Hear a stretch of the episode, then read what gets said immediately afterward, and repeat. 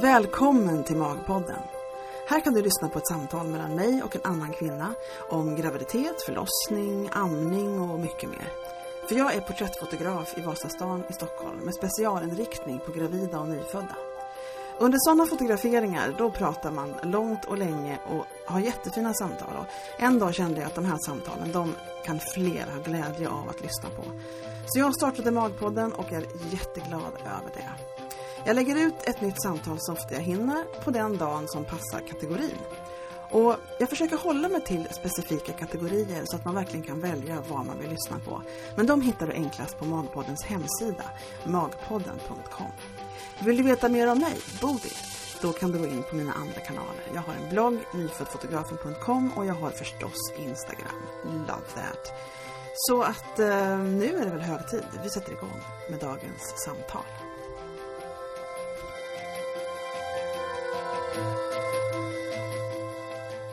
Välkomna till Magpodden. Nu var det ett tag sedan jag var här och pratade eh, med en kvinna om diverse ämnen och det har, jag har längtat så. Så det här är vansinnigt roligt att sitta här idag tillsammans med Benita. Välkommen hit! Tack så mycket! Jättekul! Vi ska ta och eh, sparka igång, sparka liv i den här podden igen med eh, en magmåndag är det som vi håller på med. För du är ju, jag skulle vilja påstå nästan höggravid i det här läget va? Ja, det känns så ovetliga skulle jag kunna säga. ja. ja men vi gick in i vecka 32 i lördag, så det är åtta veckor kvar och på dagen ja. 60 dagar till BF. Ja men just det, då, då, man kan ju mm. vara ännu högre gravid om det är så men, men nog, jag förstår att du känner det. Är det inte så också när man är gravid för andra gången, vilket du är, att man mm. liksom blir större snabbare, har jag för mig? På något vis? Jo, eh, jag kan verkligen relatera till just det. Det här ja. gick mycket, mycket snabbare den här gången. Dels att, att magen växte eh, ja. väldigt snabbt, men också kroppsliga fysiologiska förändringar skedde ja. mycket, mycket tidigare. Och jag vet ja, just det. Då, tidigare vecka liksom i processen. Exakt, sådana saker. Ja. Och från att ha kunnat hålla graviditeten lite halvhemlig första gången, och där vi berättade där vi valde att berätta i månad 4-5, så var det redan i månad 2 så här, Jo då, ni ser rätt. ja. Det är någonting som håller på att hända. Ja, det värsta ja. som finns är ju att säga till en kvinna, gud vad kul ska ha bebis, och så är de bara tjocka liksom. Det är jättejobbigt. Det ska man, så, så, folk säger ju ingenting först man säger det själv. om de är smarta, gör de inte det i alla fall. jag tror inte att jag har varit med om det, men däremot har jag hört om sådana berättelser. Det är så ja, fruktansvärt. Men ändå, ja. Ja käre värld. Ja, jag har varit med om det själv, alltså för mig, de trodde jag var gravid och sen så har jag sagt det tror jag någon gång till någon men man gör inte mer än en gång, sen så gör man aldrig Nej. om det. Var det här före eller efter din graviditet då? Käre värld, det var när jag var ung någon gång, så ja. långt före var det och det var nog det att jag just mag, alltså jag vet, ja men jag såg tydligen gravid ut, det går inte att komma ifrån. men nej! Ja visst! Alltså. Och det roliga var att jag, var, jag är ganska så här, jag blev inte så nedslagen men de sa ja. Åh, och det här kommer det lite bebis, nej det är nog bara mat så jag. Och, då, och, då, och det jobbiga ja. är att se den andra människan hur de blir så här mortified, de tycker bara det är så hemskt att de sa någonting. Och det är så farligt är det ju inte, i alla fall inte tycker jag det. Så det, mm. det var stackars dem mest. Men, men så är det, men då, men andra graviditeten då tänker vi så här, vi ska prata lite grann om hur du mår liksom och, och kanske mm. jämföra mm. lite och, och, hur du tänker framöver för det är verkligen en helt annan sak. Alltså när man är gravid första gången så är det ju som att ja, men man har ingen aning och så kommer det. det bara att, man lever sitt gamla liv lite grann då mentalt. Eh, för man ja, har inte varit med om bebisliv än liksom. Och så nu då så är det en helt annan grej när man vet vad som händer. Känns mm. det bra eller tycker du?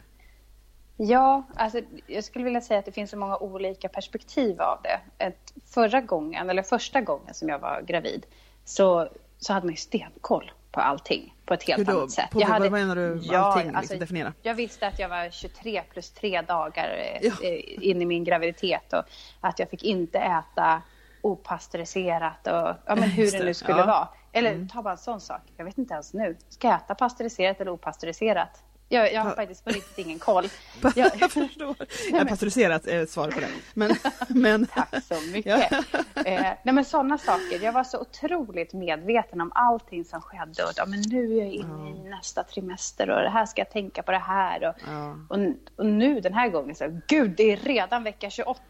Vad hände? Så här, har, jag, har jag barnvagn? Var, när måste jag upp på vinden och börja styra om inför nästa? ja. Det är som att man inte hinner med. Men, din, din första bebis är, hur gammal är första bebisen nu då? Alltså den som du redan har? Eh, idag så är hon två år och tre, ja, mm. fyra månader. Så hon blir två och ett halvt ganska ja. exakt på dagen. De kräver ju ganska upp, mycket uppmärksamhet, de där tvååringarna. Ja, och det kan man också ta så här, för att jag, eh, och det kommer vi prata lite om lite senare, men jag kommer ju från träningsbranschen. Ja. Eh, och med första graviditeten då så kunde jag faktiskt träna ganska mycket. Dels för att jag hade förmånen att må bra. Det är ju en förutsättning. Mm, mm. Sen också att jag jobbade på ett gym, bara där. Jag behövde inte förflytta, Nej, förflytta men just mig. det, precis. Det var bara på med, på med kläderna och gå ut. Ja. Men också att jag kunde, ja men jag höll igång. Säg att jag kanske trän, Ja, men- tränar två, tre gånger i veckan. Ja, men det var ju som ditt, sen- du var kvar i ditt gamla liv helt enkelt.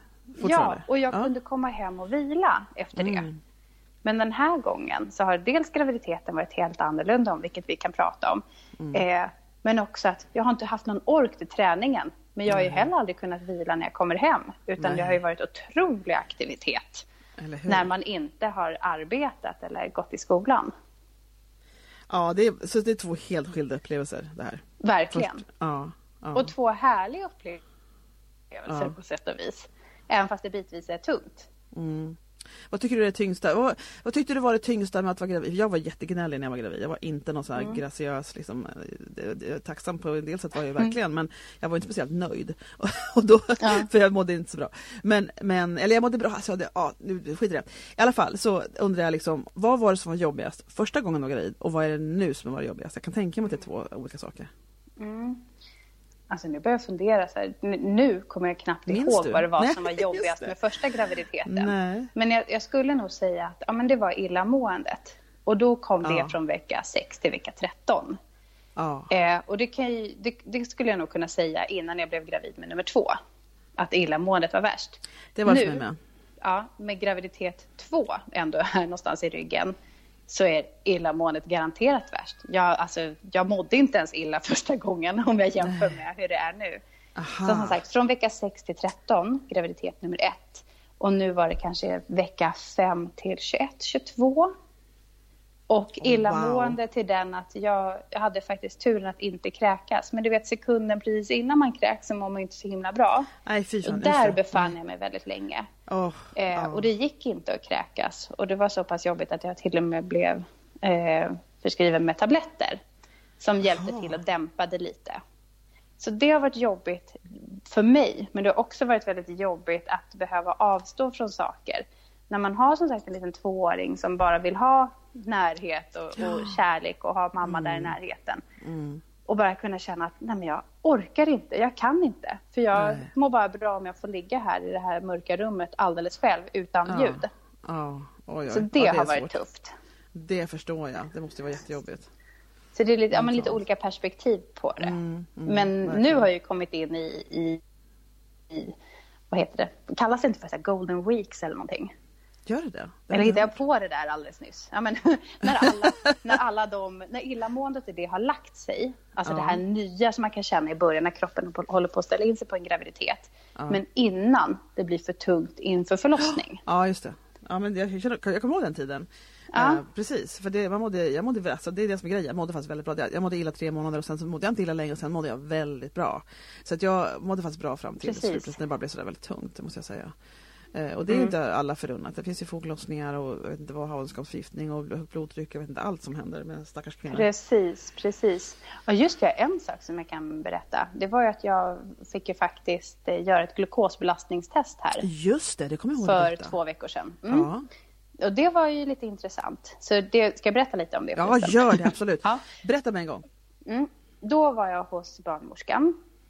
Och som en del i de här olika undersökningarna, förutom sticker fingret och tar blodtryck och så vidare, så gör man ju även ett eh, så kallat SF-mått.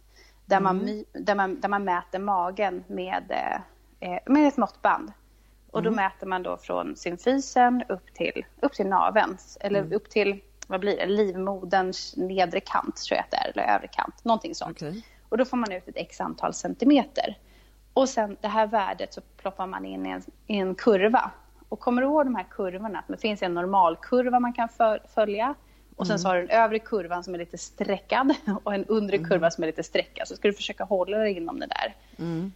Så det här var ju för, ska vi se, det här var precis innan jul som jag gjorde det här måttet. Och då sa hon att oj, du har växt på lite här. Och jag kunde känna det också i kroppen, så att jag, var, jag kände mig stor. Ja. För ibland så kan man ju, du vet, upplevelsen. Man kan se likadan ut, men man kan känna sig stor och man kan känna sig lite mindre i kroppen ibland. Men jag hade Mm, känt så. mig ganska stor i kroppen. Mm. Och då sa hon att ja, men, när, man, när man har växt så här mycket på kort tid så kan det vara ett tecken på graviddiabetes. Så jag skulle vilja, göra ett, eh, jag skulle vilja att du gör ett glukosbelastningstest. Jaha. Ja. Och som sagt, det här var ju bara en indikation. För att göra ett, för att kunna säkerställa ifall att någon har diabetes så brukar man göra då det här testet. Men det finns ju mycket annat som kan visa. Nu tittar hon ju bara på storleken på min mage. Ja. Ingenting annat. Det kan, det kan ju tålas att nämnas. Eh, så att, hur som helst, jag bokade tid och fick komma in då för två veckor sedan. Och då går det till så att man kommer in, sätter sig i väntrummet. Och sen när det är ens tur så går man in dit och så, så blir det ett eh, stick i armvecket. Och de, just man ska ha varit fastande i tio timmar ska jag säga. För, För det, det man vill din- se, det är hur Ja precis, Mm. vad, är man, vad är det man vill se? Exakt, berätta. man vill se hur kroppen reagerar när den får socker. Alltså hur, eh, hur kroppen jobbar med sitt insulin, helt enkelt. Ja okej. För insulin är ju kroppens egna försvar. På när man får i sig mycket socker så vill kroppen pumpa ut insulin för att få ner sockerhalten i Ja, blodet. för precis, du vill inte ha precis. för högt blodsocker. Så att då blir det stick i armen först och så får de fram ett så kallat nollvärde. Alltså hur ser det ut när det inte finns något socker i blodet? Jag har ju inte ätit nu på Mm. Ja flera exakt, timmar. du har fastat, ja precis. Precis. Och sen så fort det är taget, då får jag dricka en sockerblandning. Ja. Och det smakade ungefär som okoncentrerad citronsaft. Oh. Så ganska Eller vadå, starkt. Du menar Ja, Okoncentrerad nu, Ja. koncentrerad, Ja, exakt. Outspädd Just det, ja. citronsaft eh, som man dricker. Och den ska, den ska du dricka ganska snabbt. Och jag tror att det är två, två och en halv deciliter, någonting som Mm. Oh. du ska få i dig. Wow. Och sen så startade man en klocka på 60 minuter. Så då Mhm. är du ute i väntrummet igen. Sen när 60 minuter har gått så blir man inkallad. Mm. Och då är det stick i armen igen. Så får man fram ett värde. Mm. Och sen så ut igen, vänta ytterligare 60 minuter och få ett till värde. För då kan man se då efter ungefär en timme då, eller första testet när man gör där, då har ju blodsockret automatiskt gått upp. Men Ja. efter två timmar så har man sett hur kroppen har jobbat med det. Just det. Hur högt är det efter så lång tid? Ja. Och sen idag var jag hos barnmorskan nu i morse. Och då fick jag svar på det här och ingen graviddiabetes. Nej, så det känns skönt. ändå skönt. Men jag är väldigt tacksam över att man ändå fångar upp tidiga varningssignaler. Vad, Så- vad kan det finnas ja. för problem med det sen då om man har graviddiabetes liksom? Man får, det är graviddiabetes för att egentligen så är det bara under graviditeten som det har. Ja. Nu ska jag säga så här, nu är inte jag någon expert, men det är så här jag har förstått det. Eh, och likväl så måste du tänka på ett helt annat sätt hur, hur du eh, äter. Så du Men måste visst, göra alltså, ganska inte- stora kostförändringar. Ja, för jag, jag, jag är heller ingen expert på det här men jag får för mig någonstans att det kan hänga ihop med blodtryck och grejer också senare men det kanske jag har helt fel i. Det där borde vi kolla upp och skriva någonting om på bloggen sen. Eller hur? Eller hur? Faktiskt. Ja. Någonting. Det, nu kände jag mig o, o, hade Mm. så mycket kunskap Det här ska vi gräva vidare i. Det ska vi absolut enkelt. göra, Mm. verkligen. Men det var väl skönt att du inte hade det? Jätteskönt. Ja, verkligen. Mm. Så du känner lite grann att trots att du känner dig tung och stor så, så går det ganska bra ändå? Då? Det är som att säga mest mentalt att du inte kan ägna dig så mycket åt lilla syskonet. Precis. Och sen nu när jag har varit, för jag har ändå hunnit med två besök, idag och eh, för tre veckor sedan. Mm. Och då har det fallit tillbaka på normalkurvan också igen, Ah, just det här okej, SF-måttet. Ja. Så att jag var nog lite, lite stor där, men nu börjar jag landa i min graviditet och vecka. Att Ja, det börjar det. jämna ut sig. Ja, jag Att förstår. graviditeten har varit det, väldigt det, det är det som är grejen när man, Olika, man växer att så här de- mycket. Ja. Ja, förlåt, vad sa du? Nej, nej, ja, men det jag sa det var att ja, men graviditeterna har ju varit så pass olika i sig. Men nu bör, mot slutet här så börjar de jämna ut sig. Att, Mm. ja, men både med hur min kropp ser ut och hur jag känner mig och så. Ja. Så nu är de inte så olika längre. Nej, jag förstår. Så det, det precis, för jag, jag kommer ihåg att man, man tror att för man växer, för i början så längtar man lite efter, efter mage, så att det ska synas att man är gravid liksom. Och Absolut. eh, sen så kommer magen och sen så vet jag att eh, så växer man, blir ganska stor så har man ganska långt kvar, då tänker man men alltså jag kommer ju bli som en zeppelinare. Det här blir hur mycket Ja. mage som helst. Och Ja, bara, hur ska det gå? Hur ska det gå? Ja, Ja, exakt. Och exakt. sen så, så fasar det ut lite grann mot slutet och man blir liksom proportionerligt så växer man inte lika mycket hela tiden utan det mm. jämnar ut sig lite mot slutet. Men det blir extremt tungt på slutet. Ja. Men vad säger lilla tvååringen, två, nästan dryga tvååringen om den här magen då? Mm. Eh, hon, hon vet ju, eller vet, hon kallar eh, min mage för, för bebis. Det finns ja. en bebis där. Vart bor bebis? Ja. Och då pekar hon. Och, och då tänker man så här, wow, vad hon, vad hon förstår. Och sen så pekar hon på sin egen mage och säger hon att Freja har bebis ja, i sin exakt. mage, men det Jajamän. har hon ju inte. Så att hon har nog inte hängt med riktigt. Hon vet att hon Nej. ska vara försiktig med min mage eller att hon mm. vet, ja, men det är någonting speciellt eller att idag har mamma ont i magen. Sådana ja. saker. Ja. Men nej. Men det är knappt så vi som är gravida kan förstå vad som händer så att det är kanske mycket att kräva ja, en tvååring. Ja. ja. Men sen har vi ju tre till. Just det, det har ni. Ja. Så jag är ju bonusmamma åt tre stycken stora tjejer som är precis här i dagarna så blir allihopa 13, 17 och 19 år. Oh, fyller Sen, de så lite samtidigt? På, alltså, ja, men un, ja, ungefär. Januari och april. Ja, okay. Så vi är inne i den, i, i den perioden ju. Mm. Exakt. Mm. Så de är ju de är stora. Just det. Eh, alltså det, det är roligt mm. för när du sa i dagarna säger att tänk om alla fyller samma vecka, vilket vad absurt det blir. Och och sen så kommer min brorsa ha tre barn. Ja. Och de fyller, ja. i hans familj fyller alla de, det, det börjar i maj och sen håller de på maj, juni, juli, augusti. Alla fyller liksom år, månad efter varandra. Sådär. Wow. Och det roliga är att i den familjen så fyller den yngsta i juni och nästa i tur i juli. Förstår du? Sådär? Det är helt galet. Det har radat upp sig sådär i en kronologisk så. ordning. Ja. Så de barnen växte upp och trodde att så var det för alla. att den som är yngst, den fyller år först och sen kommer nästa. Ja. Jag brukar alltid tänka på de här eh, eh, Valgren. Just det.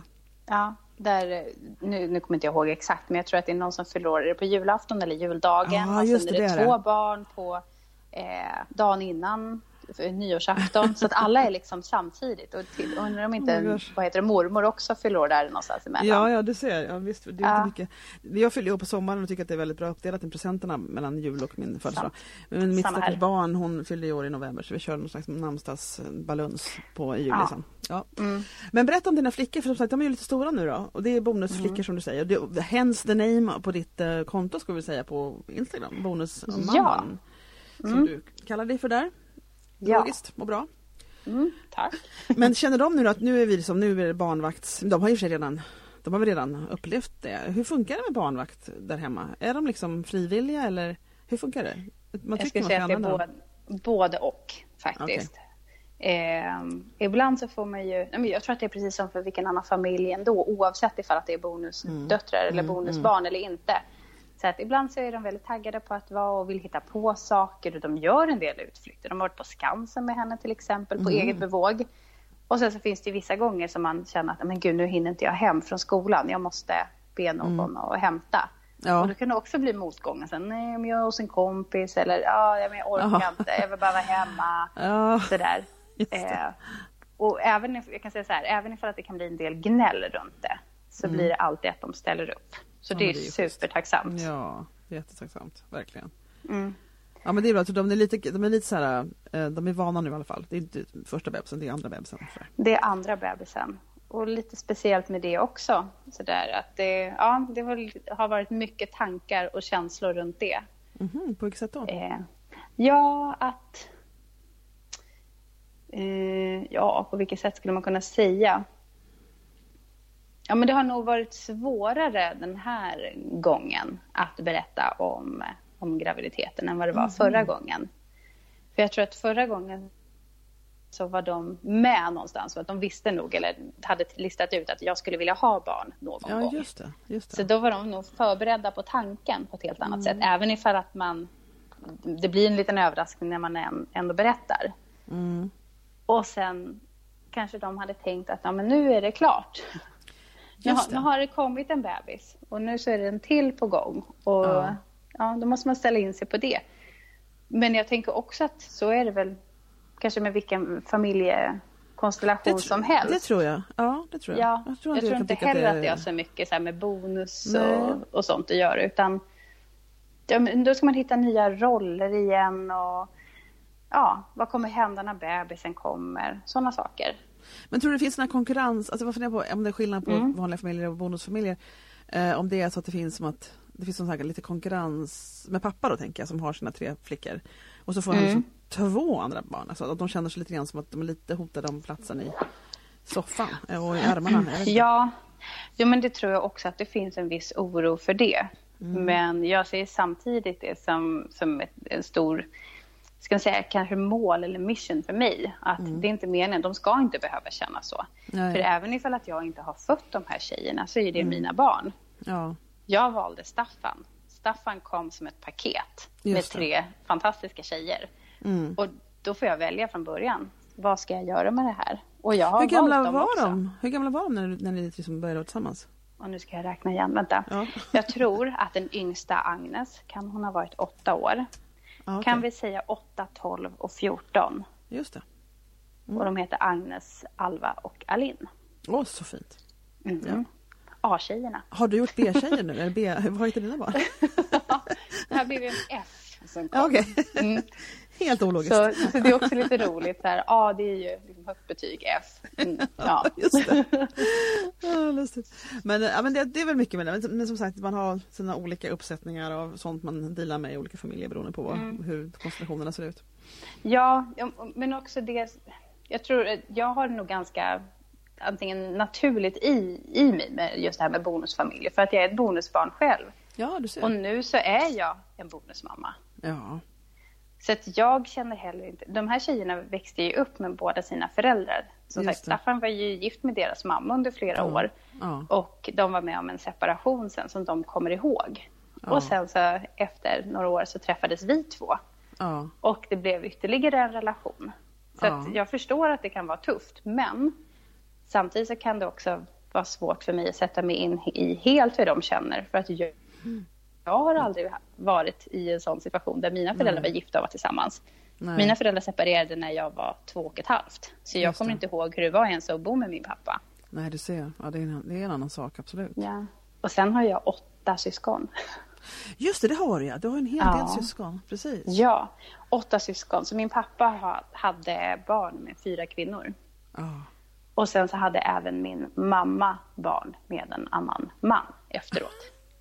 Att, jag, jag får en lapptäckekänsla av alltihopa. Det är mycket folk Och det är det. Men ja. för mig så är det så otroligt naturligt. men det är såklart ja. det är så. Ja, det är såklart det. Ja, och så... Men har det varit bra tycker du då när du liksom har Fast situationen för dem är lite annorlunda så är det ändå liksom det här att För det, det är ändå så att, att man har så mycket barn, så mycket, ja, det är en definitionsfråga man tycker mycket men med fyra mm. olika kvinnor. Det är ju mm. ändå det som skiljer sig lite från normen i Sverige.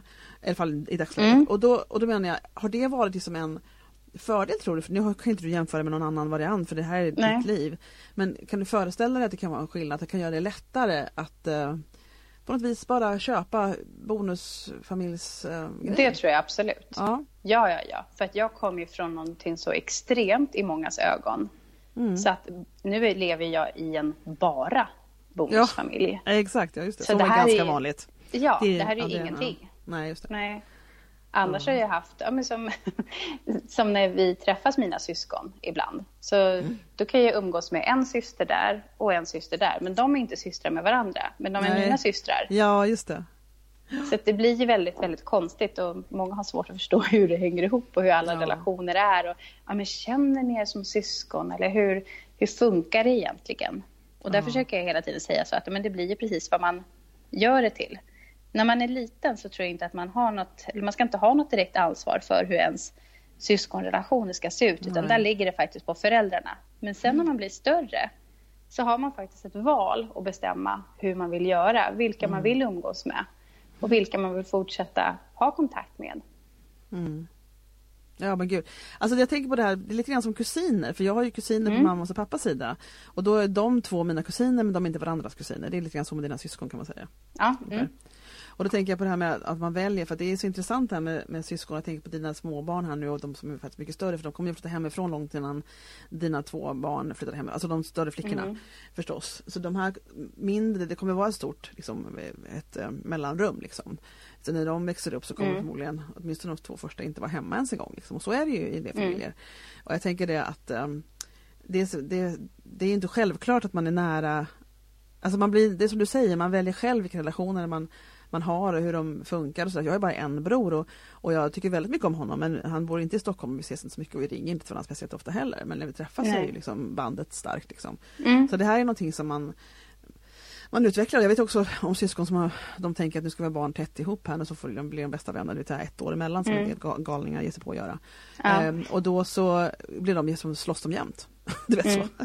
så ja, men precis, det är inte alltid blodsband som Nej, det avgör finns ifall inte... att man är en familj eller inte. Nej, utan det, det blir precis vad man gör det till. Ja, lite så. Mm. Ja, det är intressant. Jaha, men nu ska vi se här nu. Så nu har du alltså, nu har du alltså två månader kvar då, ungefär? Ja. Tänker jag rätt nu? Ja. Du tänker rätt. Ja, och, ehm, och då är det ju så att eh, du har säkert börjat komma på namn. Har vi ett namn på gång? Mm, det finns ett litet arbetsnamn, men det vill jag hålla lite för mig själv. Det får du göra. men jag kan ju säga så här, att vi vet ju inte vad det blir. Nej, just det. Ni tog inte reda på det nu. Nej. Det har vi inte. Men som sagt, med fyra tjejer i bagaget så säger väl statistiken att det blir ytterligare en tjej. Men tänk om det blir en kille, eh. vad kul. Vilken liten prins det kommer att bli, vet du. Förstår du? Ja, ja. Samtidigt, ja men det blir, det är som att man är med i ett lotteri. Det blir vinst ja. oavsett vad det blir. det blir det en tjej så är det så här, ja men det är såklart det ska vara fem tjejer. Självklart. Ja, ja. Fast blir det en kille, det är så här, men det var ju såklart det skulle bli en pojke som ja, det är kom lustigt. nu. Ja, det är lustigt. Och så, ja, vi får se vad som händer då. Jag minns fortfarande min, min vän i mammagruppen som hade totalt föreställt sig att få en äh, liten tjej. Mm. Och en, lugn liten fin, hon hade en bild i huvudet totalt vad det skulle bli. Så kom det en kille och han var helt han var vild från det han kunde typ rulla så rullade han jämt. Mm. Och, eh, och sen så fick hon en pojke till och då grät hon i två veckor. Nej men gud. och, och sen, oh. blev hon, sen kom hon över det och sen så är allt ja. fantastiskt. Men det var verkligen det här att man ibland så har man en, en bild om vad det ska bli och så är det svårt att ställa om. En del tror jag har svårt att ställa om mm. sig sen. Men det är bra att kanske utgå från att man neutralläge, att man inte vet vad det blir för någonting. Mm. Det är ju lite kul med, det måste, för det gjorde likadant förra gången också va? Visst var det så? Att ni tog inte reda på det då heller? Exakt, det blev en överraskning där med. Ja, och hur känns det när man då ligger där på bordet, och, eller vad man nu kanske sitter på bollen, mm. och eh, ja. så kommer det en, en bebis och så får man se första gången vad det är för kön. Hur, hur är det liksom? För jag har inte varit med om det själv. Nej, vi pratade faktiskt om det bara här igår. Mm. Vi hade ett jättefint samtal och pratade om förra förlossningen och förhoppningen inför för nästa och hur vi skulle mm. vilja ha. Eh, och jag kommer ihåg att först den här känslan när det bara, man har tagit i så otroligt mycket och du, du, det är sådana krafter som jobbar. Ja, ja. Och den här smärtan som du jobbar med samtidigt och sen så blir det bara det är någonting som åker ur en, verkligen ja, bokstavligt. Ja. visst. Det, det är ju det som händer. Man blir tom liksom. Man blir tom. Och sen kom det här lilla, lilla skriket och så ja. lyfter de upp henne mot mig. Och så säger de någonting i stil med så här, här, ser du vad det är? Ja. Och jag vet att jag tittar och bara, nej, det ligger en navelsträng i vägen. Jaha, okej. Okay. och så drar, så drar de den åt sidan och jag tänkte så här, ja men en liten snippa, det blev en ja, tjej. Ja. Och kändes det liksom, ja, ja hur kändes ja, men, det då? då? Nej men det, det, var bara perfekt, det var precis, det är såklart det skulle varit så. Ja, ja. just det. Ja. ja Sen hade jag väl kanske känt på mig lite att det var en, en tjej. Mm. Eh, men jag vet inte på vilket sätt. Utan mm. jag hade nog bara, nej men det blir en, det blir en tjej. Den här gången så har jag känt båda två. När jag tänker på bebisen i magen, då, ja. då är det en kille. För en, en tjej skulle ja. aldrig göra så här Gud, mot en annan tjej. Gud jag höra vad det blir. För vi, måste, vi måste köra en förlossningsfredag sen också. Och ja. höra hur det gick och berätta vad det blev för någonting. Då. Jag kände ja. ju ända från, från provsticken att det var en tjej men det är 50% chans att det blir rätt. Så jag vet inte ja. hur mycket det var. Men jag kände verkligen det. Att jag, kände, jag hade väldigt svårt att föreställa mig att jag hade en kille i magen. Utan det var en tjej ja. liksom hela tiden. Ja, men tänker jag på, på tiden... Ja, oh, wow. Ja, men tänker jag på tiden däremot efter, så här, mm. ifall framtiden nu kan bjuda på, då ser jag mm. nog att det är en tjej. Så jag har verkligen ingen koll. Kille Nej. eller tjej. Alltså allting, det känns logiskt båda två. Ah, ja, men det blir jättespännande när man ser vad som händer. Vi sa, nu, nu glömde vi säga det i början här, men jag, vi skulle faktiskt göra så eftersom du kommer från träningsvärlden och det är vad du gör, du håller på att utbilda mm. dig nu till fysioterapeut va? Eller vad är det för någonting som du ska bli? Ja, ja. Min, mitt sikte är inställt på att bli fysioterapeut. Så ja. nu imorgon börjar termin tre. Så jag hinner läsa en mm. kurs innan det. det är dags att ja, avsluta. Precis. Men jag vill ju jobba med kvinnohälsa när jag är ja, färdig. Och då har dröm. du några heta tips om eh, vad man kan ta sig för om man är gravid mm. och ska ha barn och har fått barn och allt möjligt. Vi tar, vi tar ett par fina tips som vi kan dela med oss här, du får dela med dig av, mm. till lyssnarna. Ja, det första som jag tänker på är just om du är gravid. Så försök att satsa på knipet. Att ja, knipa, helt enkelt. Eh, och sen likadant att försöka att vara aktiv i den mån som du kan. Men mm. även vara snäll mot dig själv. För det finns bara hälsofördelar med att röra på dig under tiden. Mm. Men här, eh. för, jag backa bandet lite grann. Mm. När man säger knipa i, i allmänhet, då tänker jag ja. hur ofta och hur länge? Tänker jag. Mm. Hur ofta och hur länge? Det finns lite olika strategier faktiskt, mm. hur du kan tänka runt det här. All knipträning som blir av är bra knipträning och det är mm. jätteviktigt att kunna knipa, men det är minst lika viktigt att kunna slappna av i de musklerna. Så att det är mm. inte bara att du ska gå all in på att knipa och jobba med, med musklerna helt Nej, enkelt okay. i bäckenbotten, utan även att kunna slappna av ordentligt i dem. Okej. Okay. Mm. Men hur ofta? Eh, jag skulle säga att du kan göra det i varje fall en gång om dagen. Ja, det låter inte så mycket. Det låter inte så mycket. De flesta brukar mm. säga det att du kan göra det när du borstar tänderna eller, ja, eller så. Men det blir så otroligt mycket grejer när man ska borsta tänderna. Tycker du inte det? Att det är då ja, du ska har... göra tåhövningar och du ska göra massa Oj, ja, just det. saker. Det är en stor ja. lång lista på att göra. Det är en stor lång lista. när man...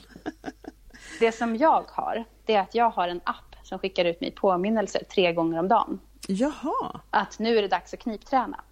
Men sen, Men sen behöver man kanske inte göra det tre gånger om dagen. Det är väl bra ifall att man kommer upp i det. Men säg att tack vare de här påminnelserna så gör jag det en gång om dagen. Eller kanske till och med några gånger i veckan. Men det är mer än vad jag skulle göra om jag inte hade det tror jag med och det här kan man ju faktiskt själv ställa en alarm på också på telefonen om det är så. Ja, så det är inte som att man, det är så intressant att du säger att du har en app, jag har, jag har den här, head, vad heter min, Calm tror jag den heter, en sån här mm. meditationsapp. Och då har man sån här, också sån här vad heter det, notifikationer, vad säger man på ja. svenska? Mm. Eh, och då har jag en som extremt opraktisk tid och säger att nu vore det bra om du satte dig ner och tog det lugnt och andades ut och in. Och vilken tid är det? Klockan 12 liksom? Ja men då ja. är jag ute och går med hunden och tänker på, alltså det går ju inte. Så jag måste ändra den här Nej. tiden inser jag plötsligt, så jag måste ta på kvällarna. För den men är, är ganska bra, bra när den där påminnelsen ja, kommer. Det är jättebra. Det är, absolut, men det är bara att mm. jag inser nu att jag, ja. Men det, det är bra mm. med påminnelser för man, det är verkligen så att man ruschar ju bara vidare annars. Det var väl jättebra. Ja, så att, eh, då vet vi det. Vad hade ja, och sen ifall att du fortfarande tips. jobbar, skulle jag säga, ja, just med ja. knip. Ja. Jag hade en knipkompis på mitt förra jobb. okay. Så att så fort, jag vet inte hur vi började prata om det, men vi pratade väl om knip och ja, men det är mycket man ska göra när man borstat händerna och det är viktigt mm. att vi kniper. Ja, men kan vi inte göra så att varje gång vi ser varandra så kniper ja, vi? just det. Eh, och så gjorde vi det. Och, ja, men då var det när man möttes i korridoren, vid kopiatorn, ja. på något möte, på lunchen. Och det var inte så att vi så uttalat, utan mer så här, gör du?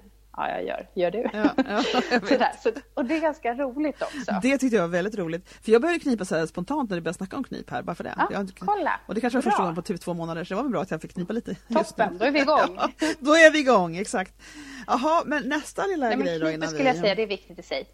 Ja. ja. men att du försöker vara så pass aktiv, men när du, när du mår bra helt enkelt. Mm. För som sagt, det finns bara fördelar med att röra sig under graviditeten. Mm. Eh, du behöver mindre smärtlindring, mm. finns det studier på. Eh, själva förlossningsfasen kan ta mm. kortare tid. Mm. Du mår bättre, du får bättre blodtryck och så vidare. Så det finns mm. egentligen bara positiva fördelar med att vara mm. aktiv under träningen. Eller under graviditeten. Mm. Men kikar man på tiden som är direkt efter graviditeten. Så visst, det är viktigt att komma igång där också och bara få röra på sig och mobilisera. Men var snäll mot dig själv. Du behöver inte stressa igång någonting. Mm. Utan du tar det i det tempo som din kropp mår bra av.